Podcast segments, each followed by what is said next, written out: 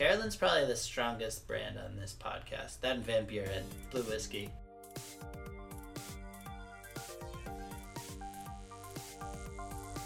Well, I'm not a crook.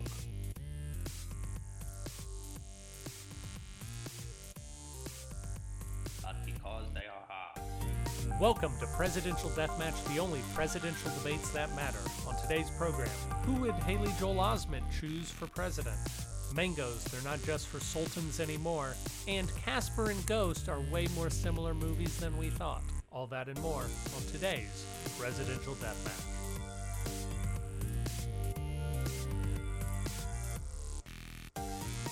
Dennis and I will be doing a Roosevelt Landon style debate, which means the person who tries at all wins. Dennis, how are you doing? I'm good. I'm curious to know what you would think of what I, what Carolyn and I were drinking this evening.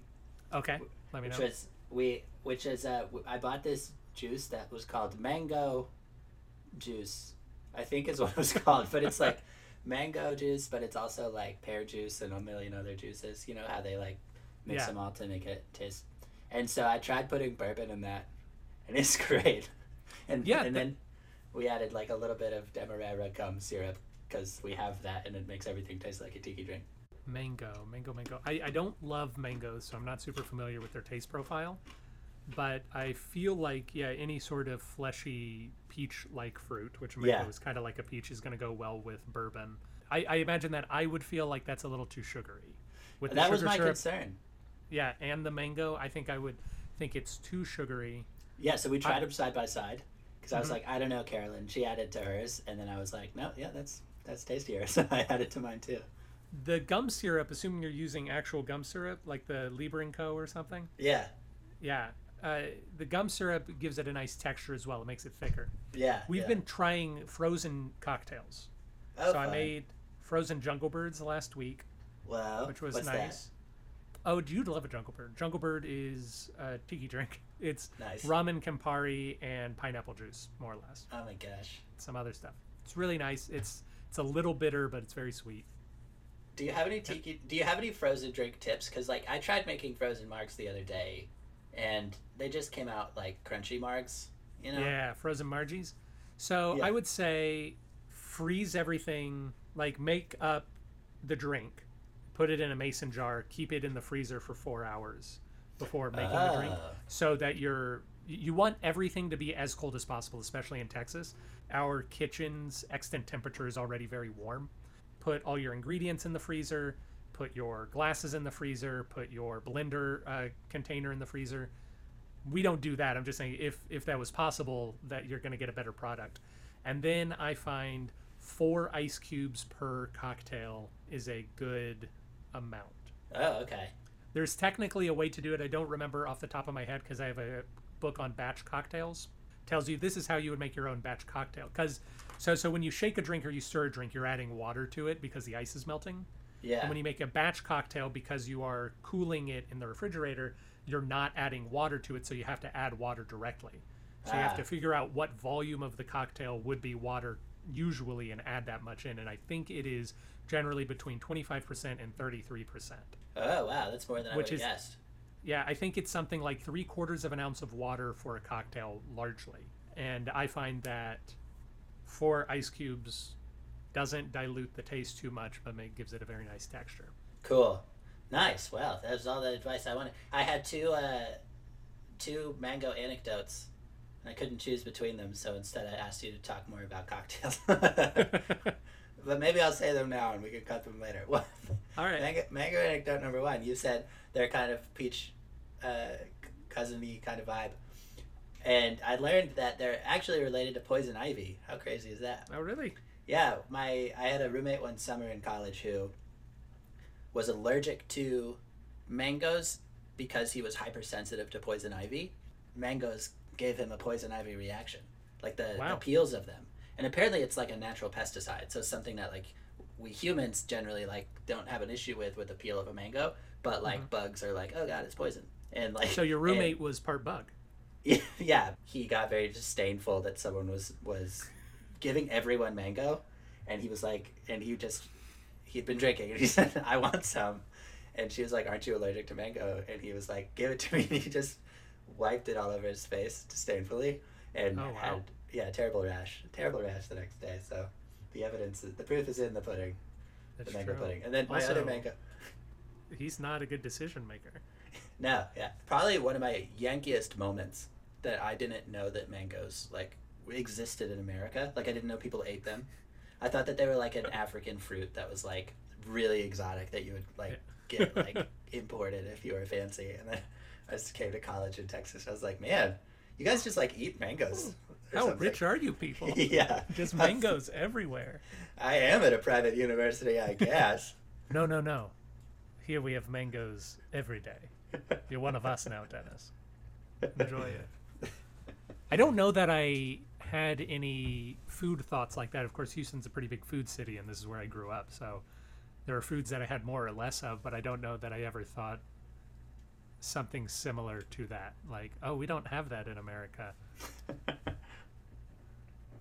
Wish I did. I wish I had interesting. Maybe lamb. I don't think I knew that lamb was easily available. Thank I knew it existed though, because it was in one of my Irish cookbooks. I used to collect cookbooks when I was a kid.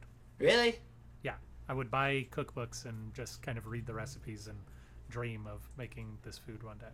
That was the first podcast concept was presidents and cookbooks from your childhood. hmm Yeah, you nailed it on the head. I had to cut something out though because they said you'll never be a hit without it, and I said, "All right, as long if just focusing on presidents will make me super popular, I'll do it." Dennis, we had a debate last week, and we had a debate two weeks ago. Two weeks ago, we were joined with Steven Saltzman to discuss which president would make the best children's television show, and James Monroe has handily beat. Was James Madison. My apologies. James Madison has handily beat Jimmy Carter in a in a stunning defeat. Not quite unanimous, but very close to it. Huzzah! That's an easy mistake to make, Aaron. I know. I, I believe I started that debate by saying James Madison was. so you're not alone. Last week, you and I had a debate on what was it? Uh, which president uh, lived in Pottersville? Which president would have been most personally happy had they not been president? Currently, George Bush leads Rutherford B. Hayes, but it's still anybody's game. You have a few more days to vote on it as you're listening to this. Da-na-na. Should be very excited. Nice. Yeah, you did a great. I want to say you you you made a you you definitely made a good argument last week. I, Thank you. I, I think both are both are contenders for sure, but Bush was uh yeah I could I mean just just like it's uh, so much uh so so visceral his desire to be baseball commissioner. It's, it's amazing just how popular George Bush was up until he wasn't anymore. yeah, yeah, He was Carolyn, yeah. astoundingly popular. yeah. Carolyn was saying too that she remembered that vividly, even even youngster that she was. Dennis, do you have any retractions from last week? I do. I have one retraction is uh, pretty straightforward. I said that the Obamas met in law school, Mm-hmm. and Carolyn listened back and said, "That is wrong. the Obamas met in their first law firm." so my bad on that. I think uh, Michelle was. I don't know if she was a partner, Yeah. but she was definitely ahead of him in the corporate track. Right? Yeah, she was like state. his boss. Yeah. or something, Which, yes. uh, Michelle, don't do that. We've come to understand that Barack couldn't say no. He put him in a disadvantageous position. And then the uh, other one was, I guess more just I thought it was a thing to mention is that we talked about how the Civil War was called Buchanan's War, and then what was the other one? There were- a lot of things we talked about last week. And then we talked about the other- Great War, Oh, the Great War in WW2. but I don't think we mentioned that sometimes the Great War was called Woodrow Wilson's War. I'm not sure that I knew that. Well, I guess it would didn't only be called that here because it's not as though Europe particularly associ- associates Woodrow Wilson with the conflict. That's true. That's true. It would be a uniquely American title for the war. This isn't so much a retraction as just a restatement of a fact that was cut out of last week's podcast because I enjoy it. Uh, we were talking about the election of Rutherford B. Hayes, and Rutherford B. Hayes. Actually, I, I kind of have a retraction because I don't know exactly what you said, but I know I walked away with a feeling that it was confusing. Yes. which is how the electoral commission for Rutherford Hayes worked. And it made Yeah. you made it sound like, or I thought that it sounded like you said that it was something having to do with the Supreme Court, when of course it was a panel that was made up of many different representatives of the government, which included representatives and senators and judges, Yeah. who yeah. ultimately awarded the election to Rudy Hayes. Yeah, yeah. It. I. I wanted to create that feeling, you know, of confusion, of, Confusion. of To of- put us of- back into the world Yeah, yeah. of 1871. I- I wanted the listener to be like, "Wait, what just happened? Who's president? Who are we talking about? What kind of a name is Rutherford? Is this guy even in Tell politics?" This, that's what I wanted people to be thinking as as they listen. Yeah, yeah, and I think Yeah. we accomplished that. Uh, you can ask Carolyn. See, Yeah, I'll ask Carolyn. see what she thought. My, yeah, yeah. My understanding was that essentially that like the deciding vote was a Supreme Court justice, but that there's like people from Senate and House and stuff that in this committee. Yeah, it's hard to say what is or isn't the deciding vote when it's one vote. When it when it's always one vote. Is it the last person who joined? Is it every single person who ends up voting for the majority? Oh, majority? yeah, yeah. I guess because the or the kind of the thing that I was reading, the way they were putting it was that it was like they got to all choose, so then it was like just half people that they knew were going to vote for them, and then the Yes. Supreme Court's the only place where it's like, yeah, as we've seen in in current events, like you could try to choose a Supreme Court justice that you think is going to get all your conservative ideals through, and then all of a sudden they're like, nope, Oklahoma's I'm Indian Supreme Court justice. Yeah. In any case, presidential deathmatch regrets the error. Dennis, we're talking about a very exciting topic this week, which we have alternately described as which president has the most unfinished business or which president is the ghostiest ghost. Ghost is ghost. But we are discussing the idea of presidents who left work behind. Uh, which people, either in the most specifically in their presidencies, but either in the presidencies or in their personal lives, who did not have the time to complete their great unfinished symphony. So Indeed. And where do you want to be begin? Because I think that there's there's an element of very few presidents felt that they had enough time to do everything that they wanted. Probably George Washington decided to leave.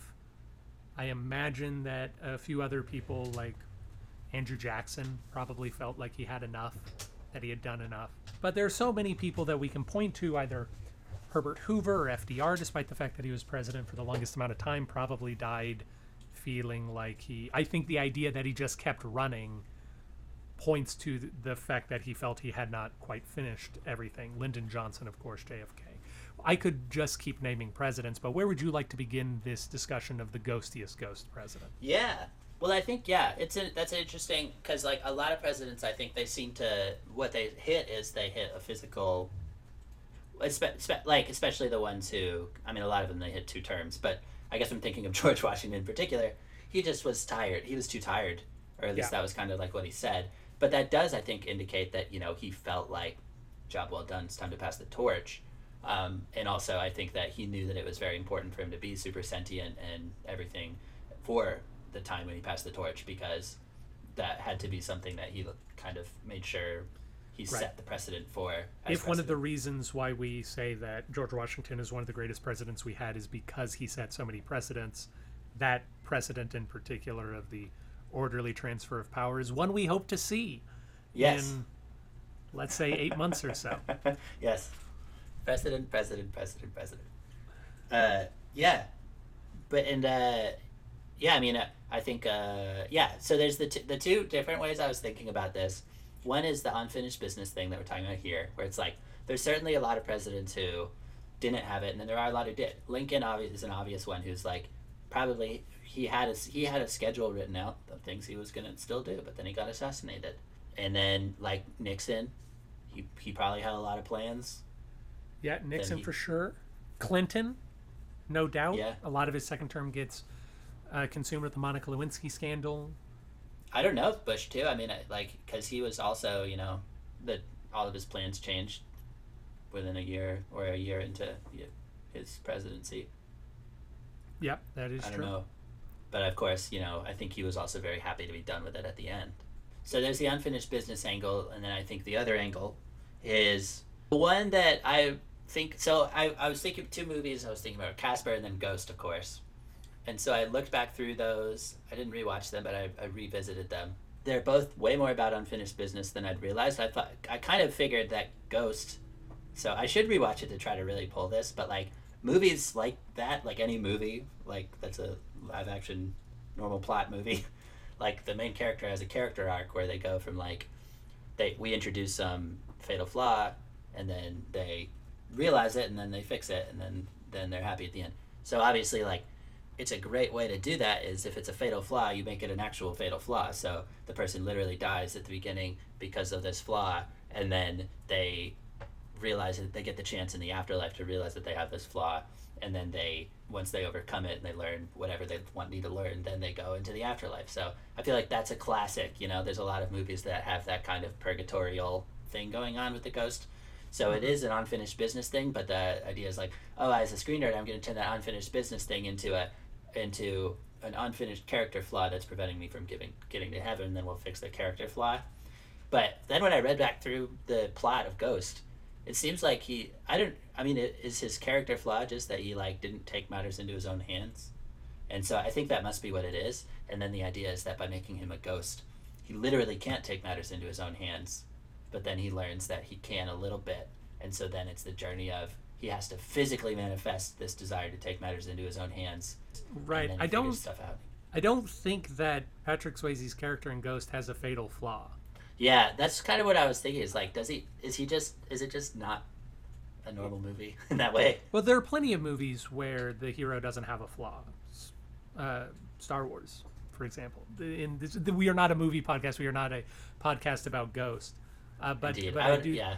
I do think that in that particular example, the it's a quest.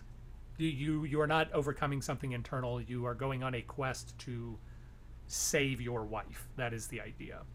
Right. Yeah. Yeah. Well, yes. Like you said, we don't have to get too much more into it eh, because it's not a movie podcast. But I nevertheless thought it's another useful way to look at this is which of these presidents might have, upon reaching the purgatorial realm or the phantasmic earth, realize that they have a lot of changing to do if this whole heaven thing is real, and that now they're stuck here until they really figure out how to be a good person. Groundhog Day esque. specifically morally not governmentally we're not we're not dealing with the idea that say barack obama or jimmy carter couldn't deal with congress appropriately we're specifically looking into the moral prob failings of say thomas jefferson Yes.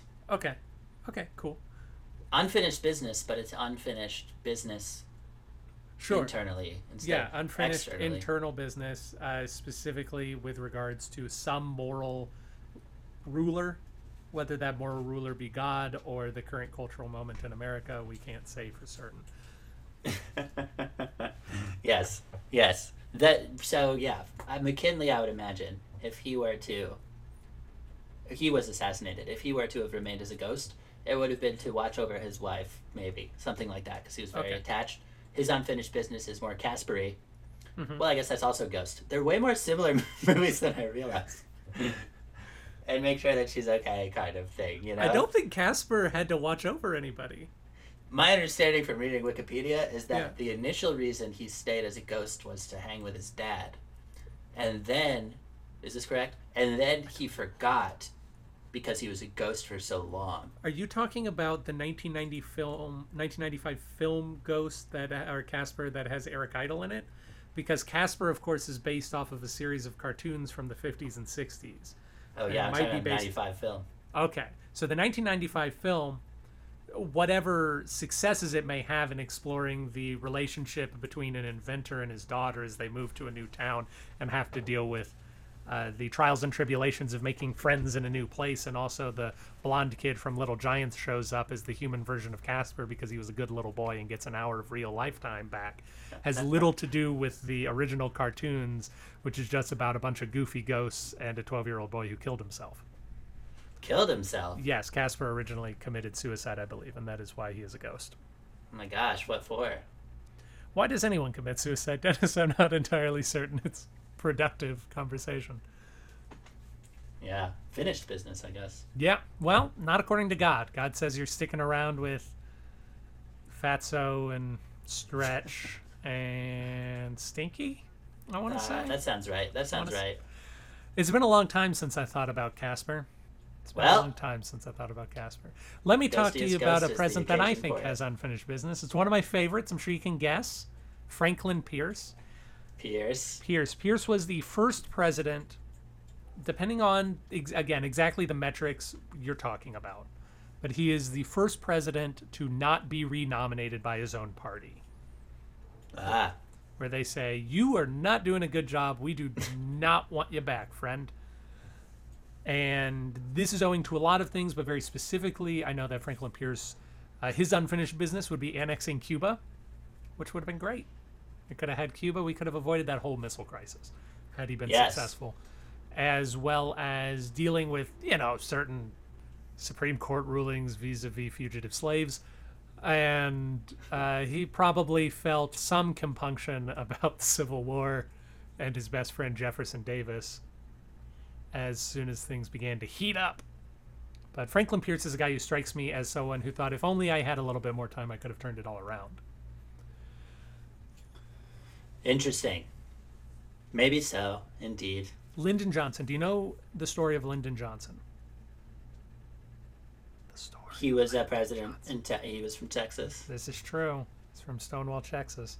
So Haynes. Lyndon Johnson, his family, like his father and his uncle, and I think his grandfather, all died of heart attacks around the time that they were 50.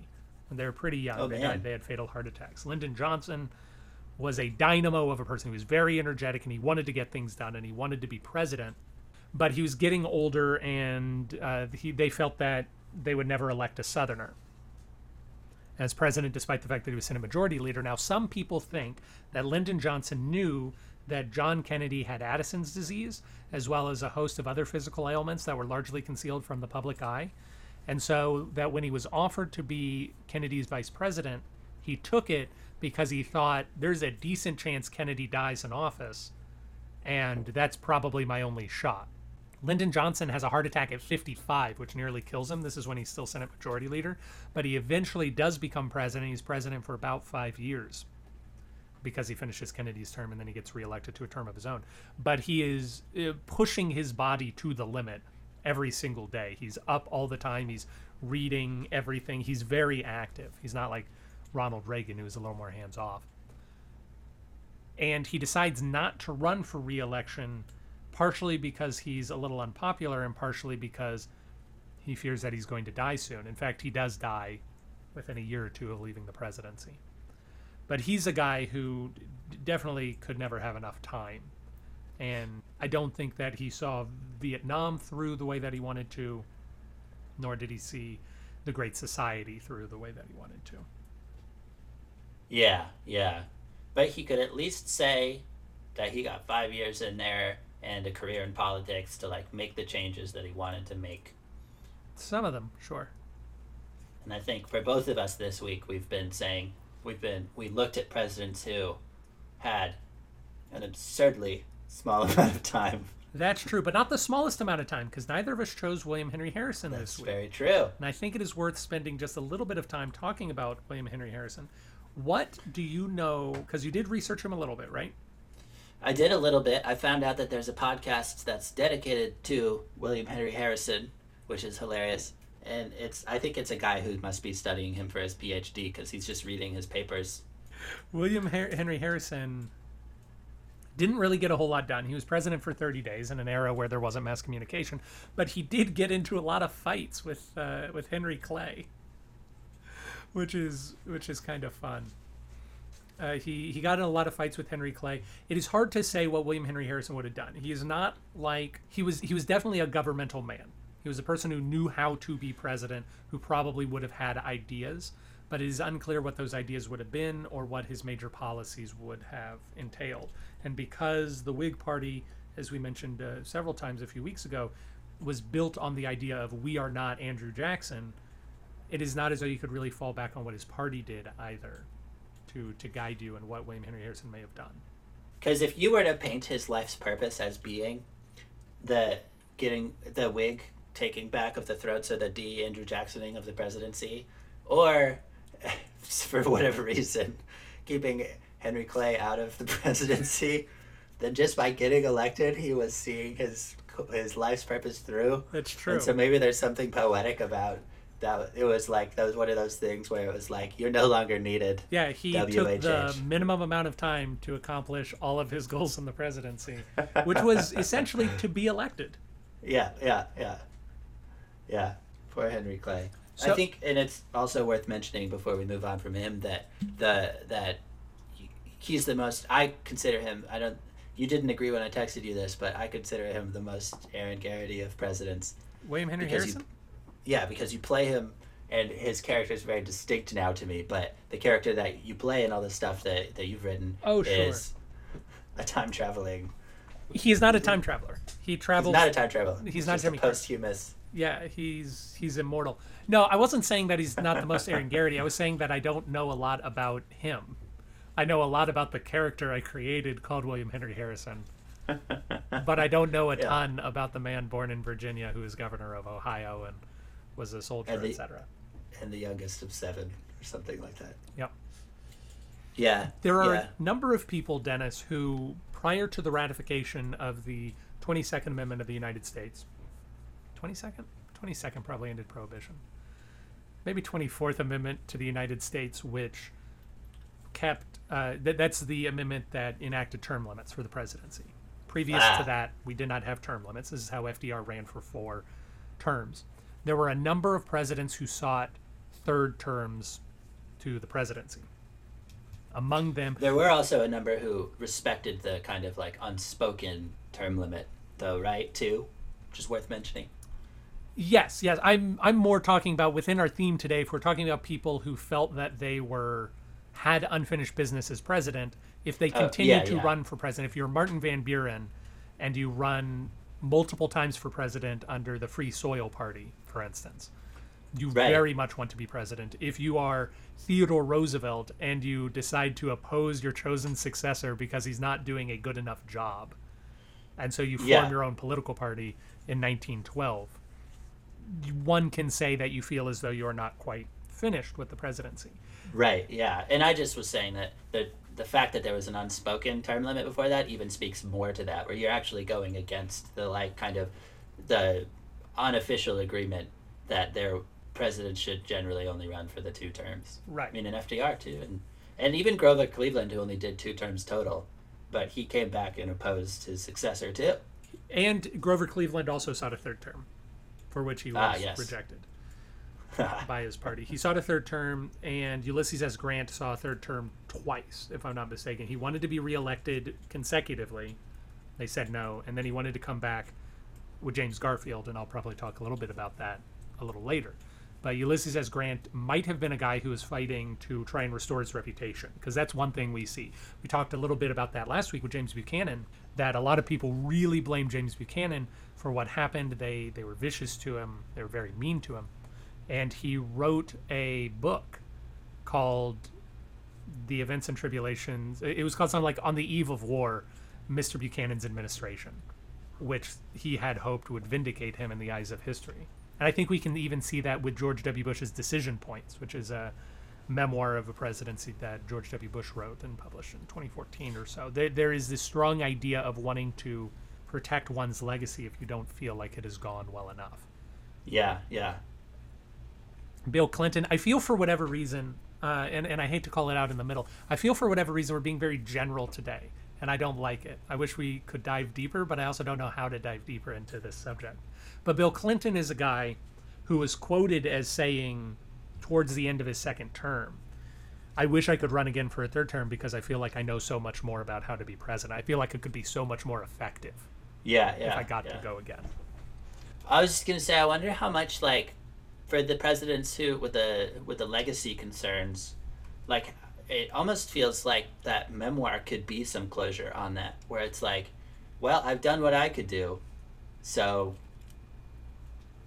Yeah.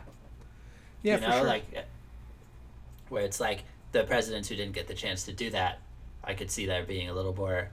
They just want to get their ghosthood is just trying to get their memoir published, just being. Just yeah, they just want. They don't really want to do anything. They just want people to look at them and say, "I understand. Yeah, I yeah, understand you, Taft." yeah. They Taft- just float in the corner of their biographer. Not a guy who has any unfinished business with the presidency. Taft was good to go. yeah, He was happy to Yes. get out of there. he, well, he wanted to step up to the next rung on the ladder. Uh, he said, "I want them to be angry at me like they're angry at John Roberts all the time." Dennis, it is July 23rd, which is the day this comes out, 1885.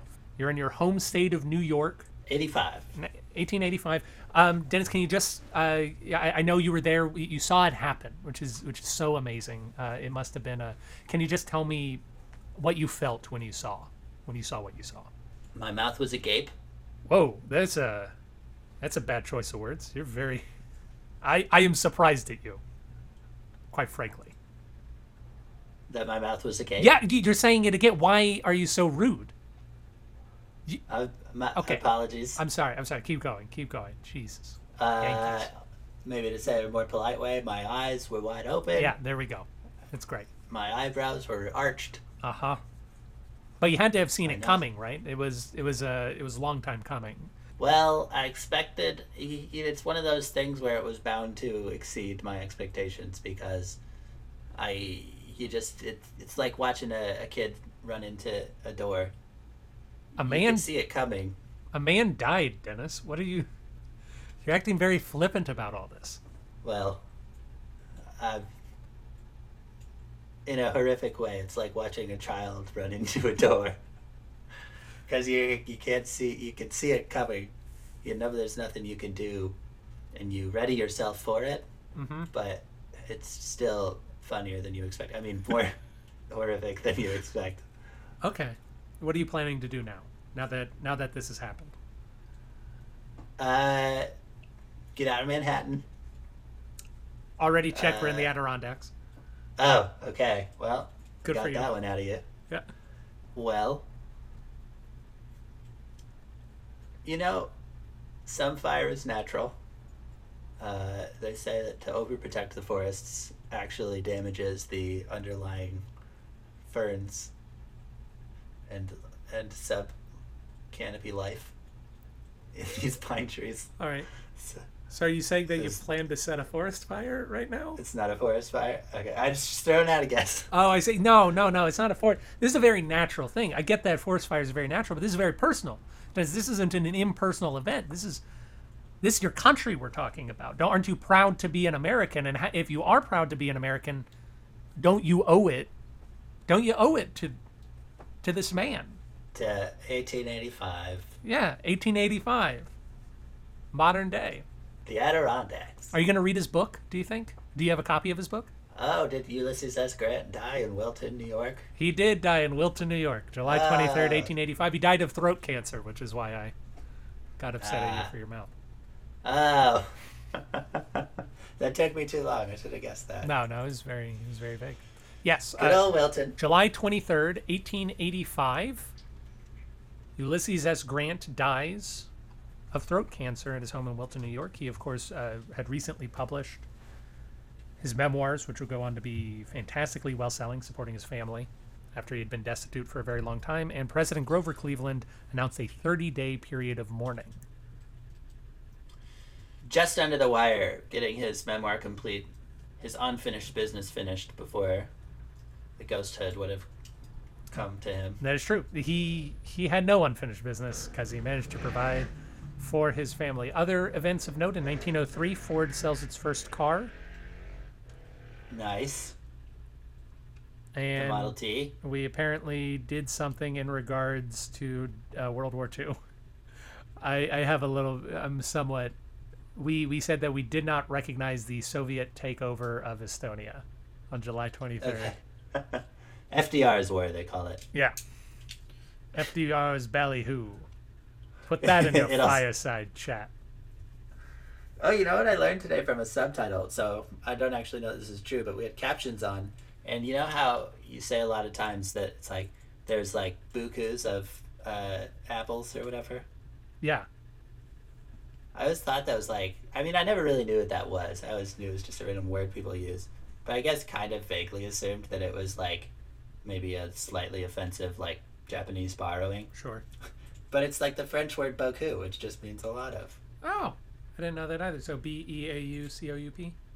Yeah, yeah. Also, on July 23rd, this has relatively little to do for anybody but me, but the Digital Equipment Corporation files an antitrust charge against Intel in 1997. And Dennis, I'm not sure if you know anything about the Digital Equipment Corporation, but the Digital Equipment Corporation had a building, uh, part of their corporate structure was here in Houston, Uh huh. and it is where my parents both worked and where they met. Oh my gosh. Yeah. Uh, before Were they there in '97? Uh, I was six years old. Yeah, they were there in '97. Because I What think, about '95 when Casper came out? The yeah, they were. My father worked for one company for his entire career. When we come back, Dennis and I are going to debate who will be the ghostiest ghost, either Zachary Taylor or James Garfield. Don't go away. Ta-da. Speak softly. Welcome back.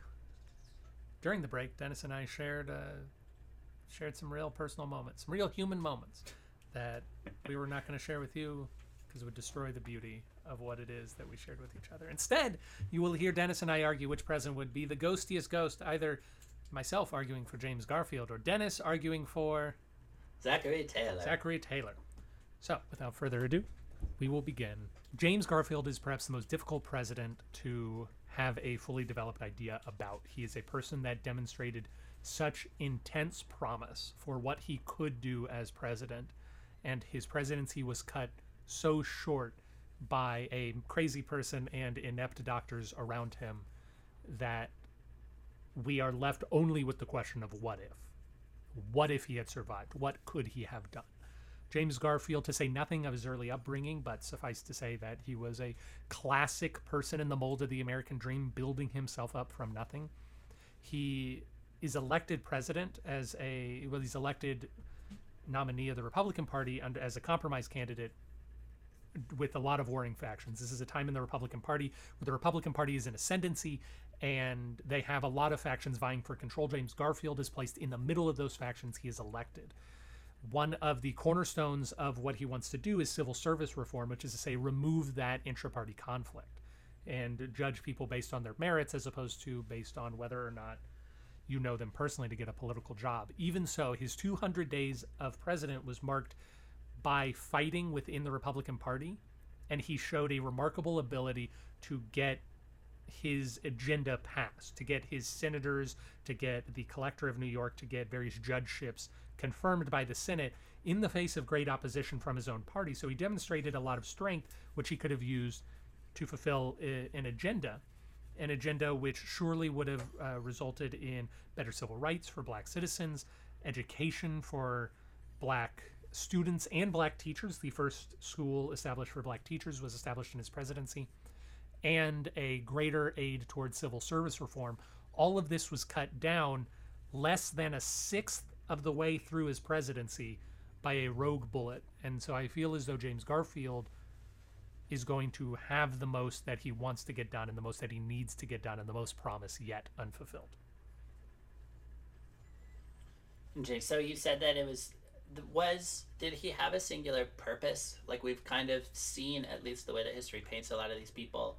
Like was he going to be president from the time he was wee or was he going to save the country? Was he going and was it this civil service reform that was defined was that his singular purpose? I guess curious about that piece.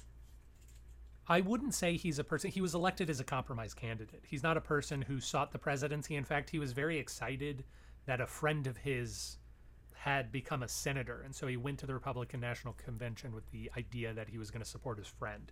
And he remains the only person to be elected from the House of Representatives. So it would be as though Nancy Pelosi, not even Nancy Pelosi, it would be as though, say, Dan Boren, a representative from Oklahoma, getting elected president. It's it's kind of out of nowhere.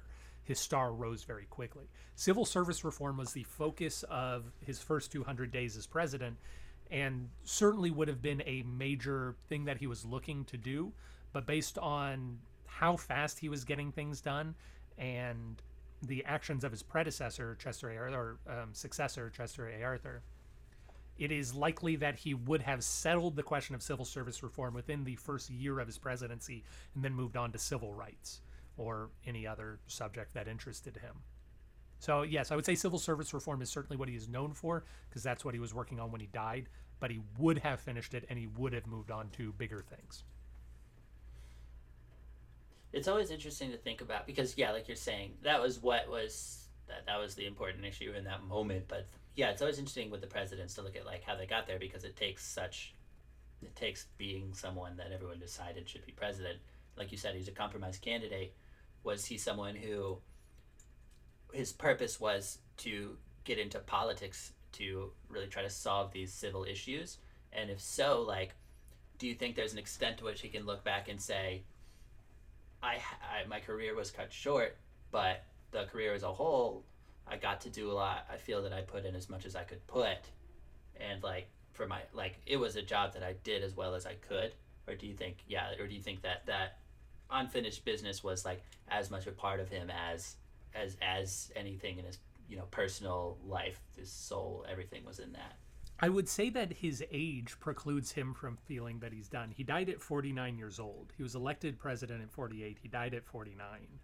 He, even though he had a long political career before he died, he was elected in 1862 to the Congress to Congress for the first time.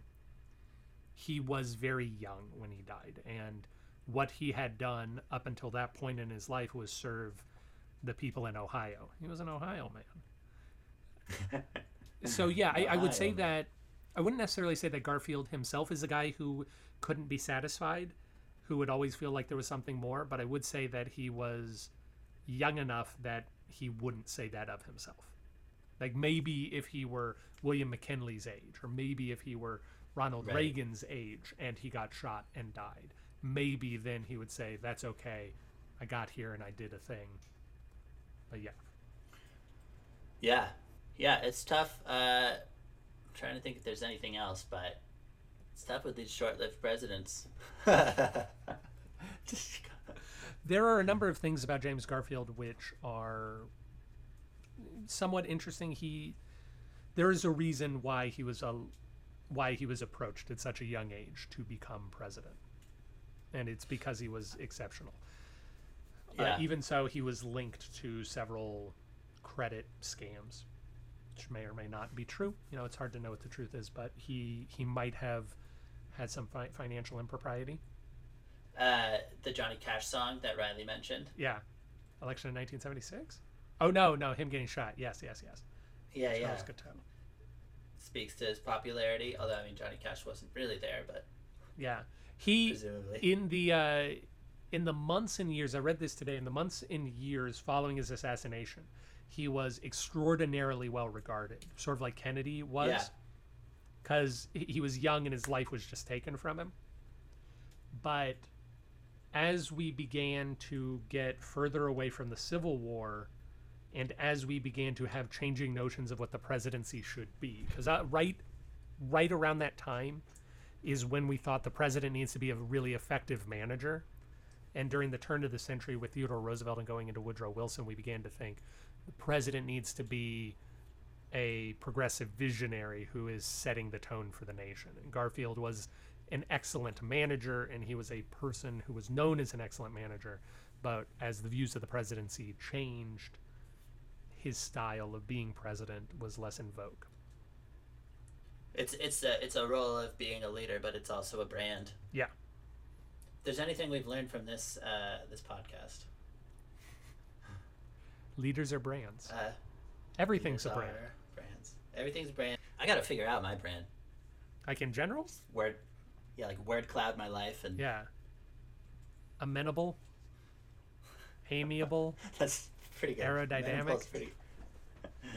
we'll start in the A's. Yeah. All right, Bark. All right. Are you ready for Zach? Zachy T. Zachy T. A lot of similarities to Garfield and what I've learned from talking with you just now.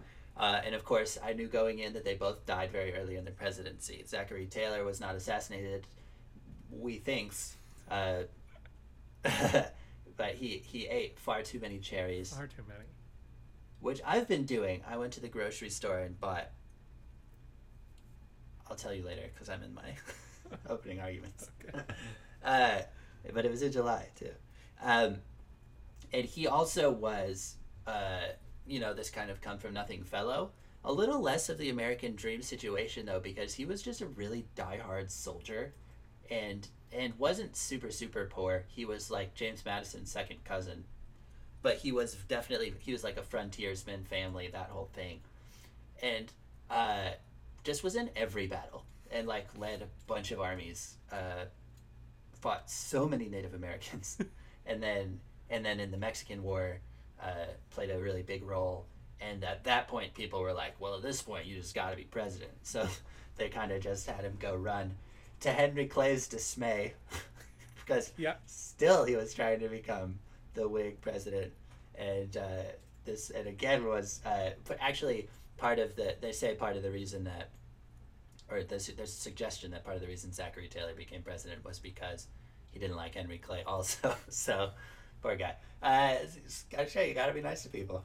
Um, but he, uh, Everyone he- hates a his unfinished. Everyone hates the man. Uh, his unfinished business was uh, in the the way that the traditional way we're looking at this is unfinished business was the session the the Mexican War ended and we got we had to figure out what to do with all these new territories Texas California all this stuff was happening. And he was a slave owner but decided that he was really kind of annoyed about it. So he didn't want to like sign the compromise of 1850 as it stood because it had a lot of stuff in there that he didn't like. And then he ate too many cherries and died. And then it got signed by Millie Philly Millie Vanilli. yeah yeah yeah yeah yeah This is not a question. Uh, this is not one of my three questions, but I believe uh, the Compromise of 1850 was also the thing that Zachary Taylor said, "I don't want this. I, like, I don't want this," and Millard Fillmore said, "Well, if it ties in the Senate, I'm going to vote for it and send it to you." It was not a good working relationship between Zachary Taylor and Millard Fillmore. To s- I believe it yeah because to say we are specifically talking about unfinished business, ghosty is ghost. I'm going to read a quote from Harry S. Truman, who is the President of the United States. I'm going to ask you to respond to that quote, and then I'm going to use that quote to base the rest of my questions off of. yeah I, I, I think I know what it's gonna Zachary Taylor was one of the do nothing presidents. When Taylor became president of the United States, I don't think he knew what to do. I can't be charitable and say that he failed to carry out his program. He didn't have any program to carry out, so he couldn't fail because he had no program. He was elected just as a military figure, and he spent his year in office behaving like a retired general. A president must have ideas and imagination as to what's needed for the good of the country, and he can create conditions that will make him great, or he can take things as they are and do nothing, like Taylor. Taylor certainly became expert at doing nothing. Nice. Got him. so yeah, I uh, I don't know. Uh, brutal take. That's not what I was expecting. I think Truman maybe also maybe some. I can't imagine he talked about Zachary Taylor multiple times. So maybe somewhere else in there he said something about, or they quit. They pulled something else in the thing I was reading about him, but I forget now what it was. So, um, yeah. So I think that that's definitely fair. He was definitely like a soldier man. Um, I'm just gonna mention now. I have a secondary uh,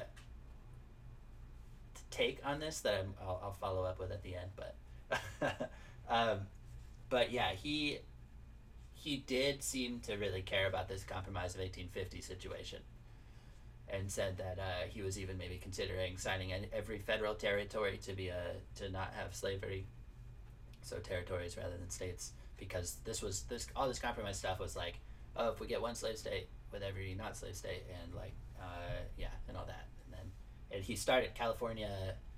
They knew wouldn't be a slave state, and then they signed that one in. So, yeah, so he did start. I mean, even though he was not because he was anti-slavery, but I think he was just getting annoyed about about that whole thing. I believe I don't even believe I actually know this for a fact. Zachary Taylor did not vote for anyone, including himself. He Yeah, never yeah. voted in his life. Or he did vote for himself. I can't remember which one. But he wasn't a voter. He wasn't civically engaged. He seems, as you said, to be really engaged with killing Native Americans. And that was his raison d'etre for a little while. But even though Yeah. he was a relatively short lived president, he still had over a year in office. And what did he do with that year? Yeah, so I don't think I even like yeah, there was some kind of a scandal or something. But yeah, I don't think I really even contend or like need what yeah with the idea that he was like pretty ineffective even with the time he had.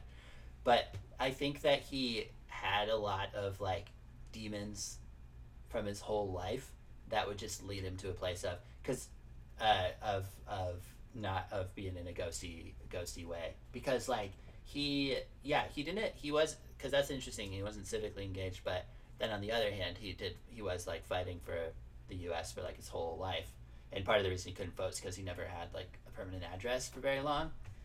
He was in uh, Kansas or Kentucky was where he like grew up. I think it was Kentucky or no he was born in Virginia then ended up Kentucky. Then he was in Arkansas and Louisiana and Wisconsin, Minnesota, and Florida for a really long time, which what which he really didn't like. Uh, yeah, he was all over the place. Texas, obviously, for a little bit there, um, and so yeah. But he uh, his obsession with war. This is getting a little into my alternative argument, but I'm just gonna go for right. it. He was like from the youngest age, like he he swam he swam from Kentucky to Iowa or whichever, across the river and back, when he was 17 to prove that he could. He could have died. So already I'm like, what is this guy's deal? Why is he like that? Like, why are why would someone be like that? I reading his whole thing, I don't understand.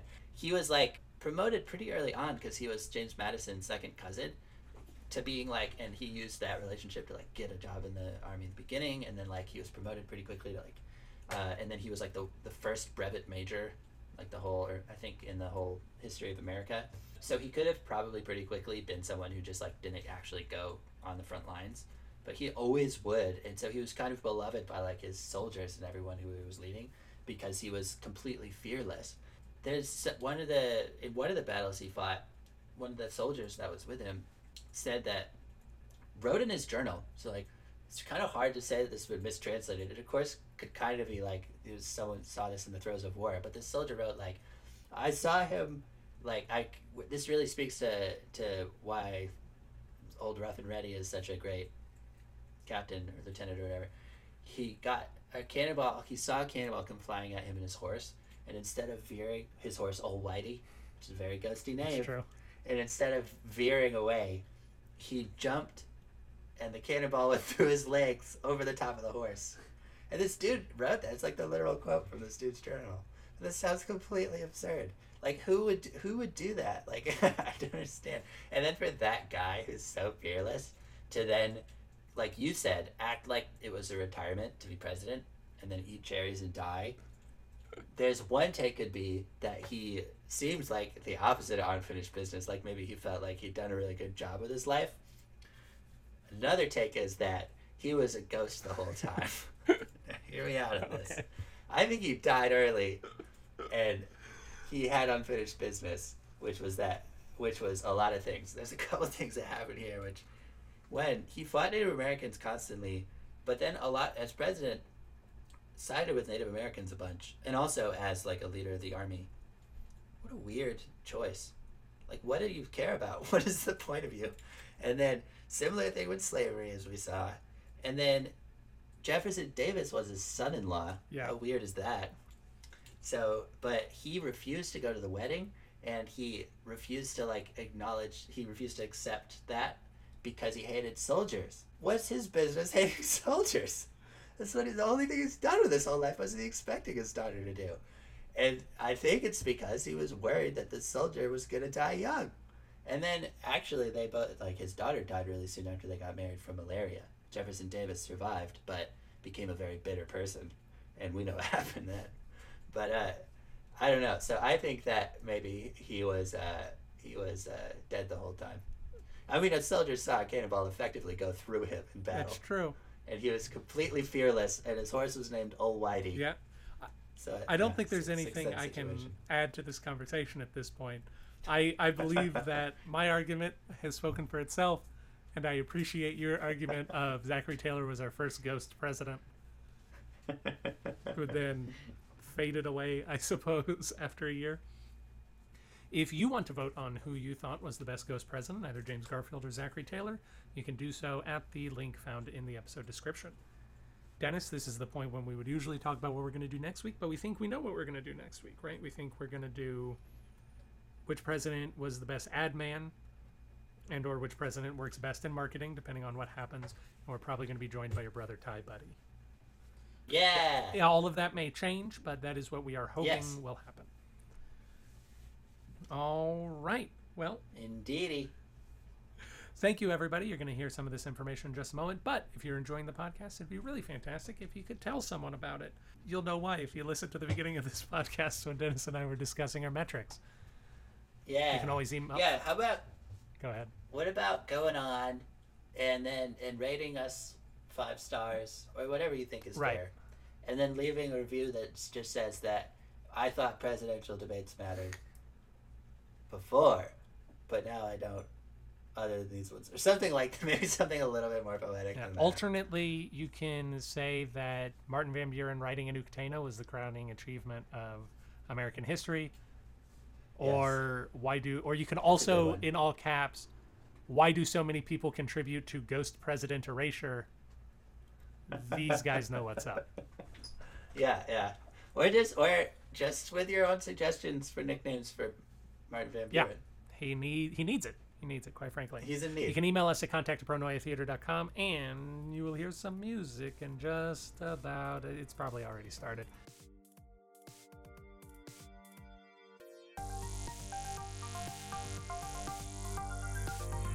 Thank you for listening to Presidential Deathmatch. Presidential Deathmatch is a production of Pronoia Theater. You can find more out about us at pronoiatheater.com. This program was edited by Aaron Garrett with music by Dennis Buddy and hosted by those same two lovable goofballs. You can always email us at contact at pronoiatheater.com. If you enjoyed the program, we ask that you rate and review wherever it is you found us. It really helps us out. And if you didn't like the program, why don't you stick around? We really grow on you. This time he like comes to him with the idea of a mortgage, but he doesn't know it's a real thing, and he's trying to like con his like bank friend into like setting him up with a mortgage. That sounds pretty funny. And his friend is like, I could do that. Just yeah, just need some just need some It's like, signatures. I promise, man, to make you trust me, I've been recording my purchases and I've set it up on this complex scoring system so that you can see that I'm good for it, man. All right, so listen to this. Listen to this. I can't put. I want to buy this property. I can't put 20% down. So I tell you what I'm going to do. I'm going to go find a third party and they're going to I'm going to buy insurance from them for the loan I'm getting from you. So I'm going to be paying them a little bit of money and you a lot of money until I hit a 20% principal. That's how dedicated I am to this situation. And even beyond that, I found this guy. He's sold a lot of houses. I'm giving. I, He's hooked me up with this other guy who's gonna walk through the house and tell you it's a good house.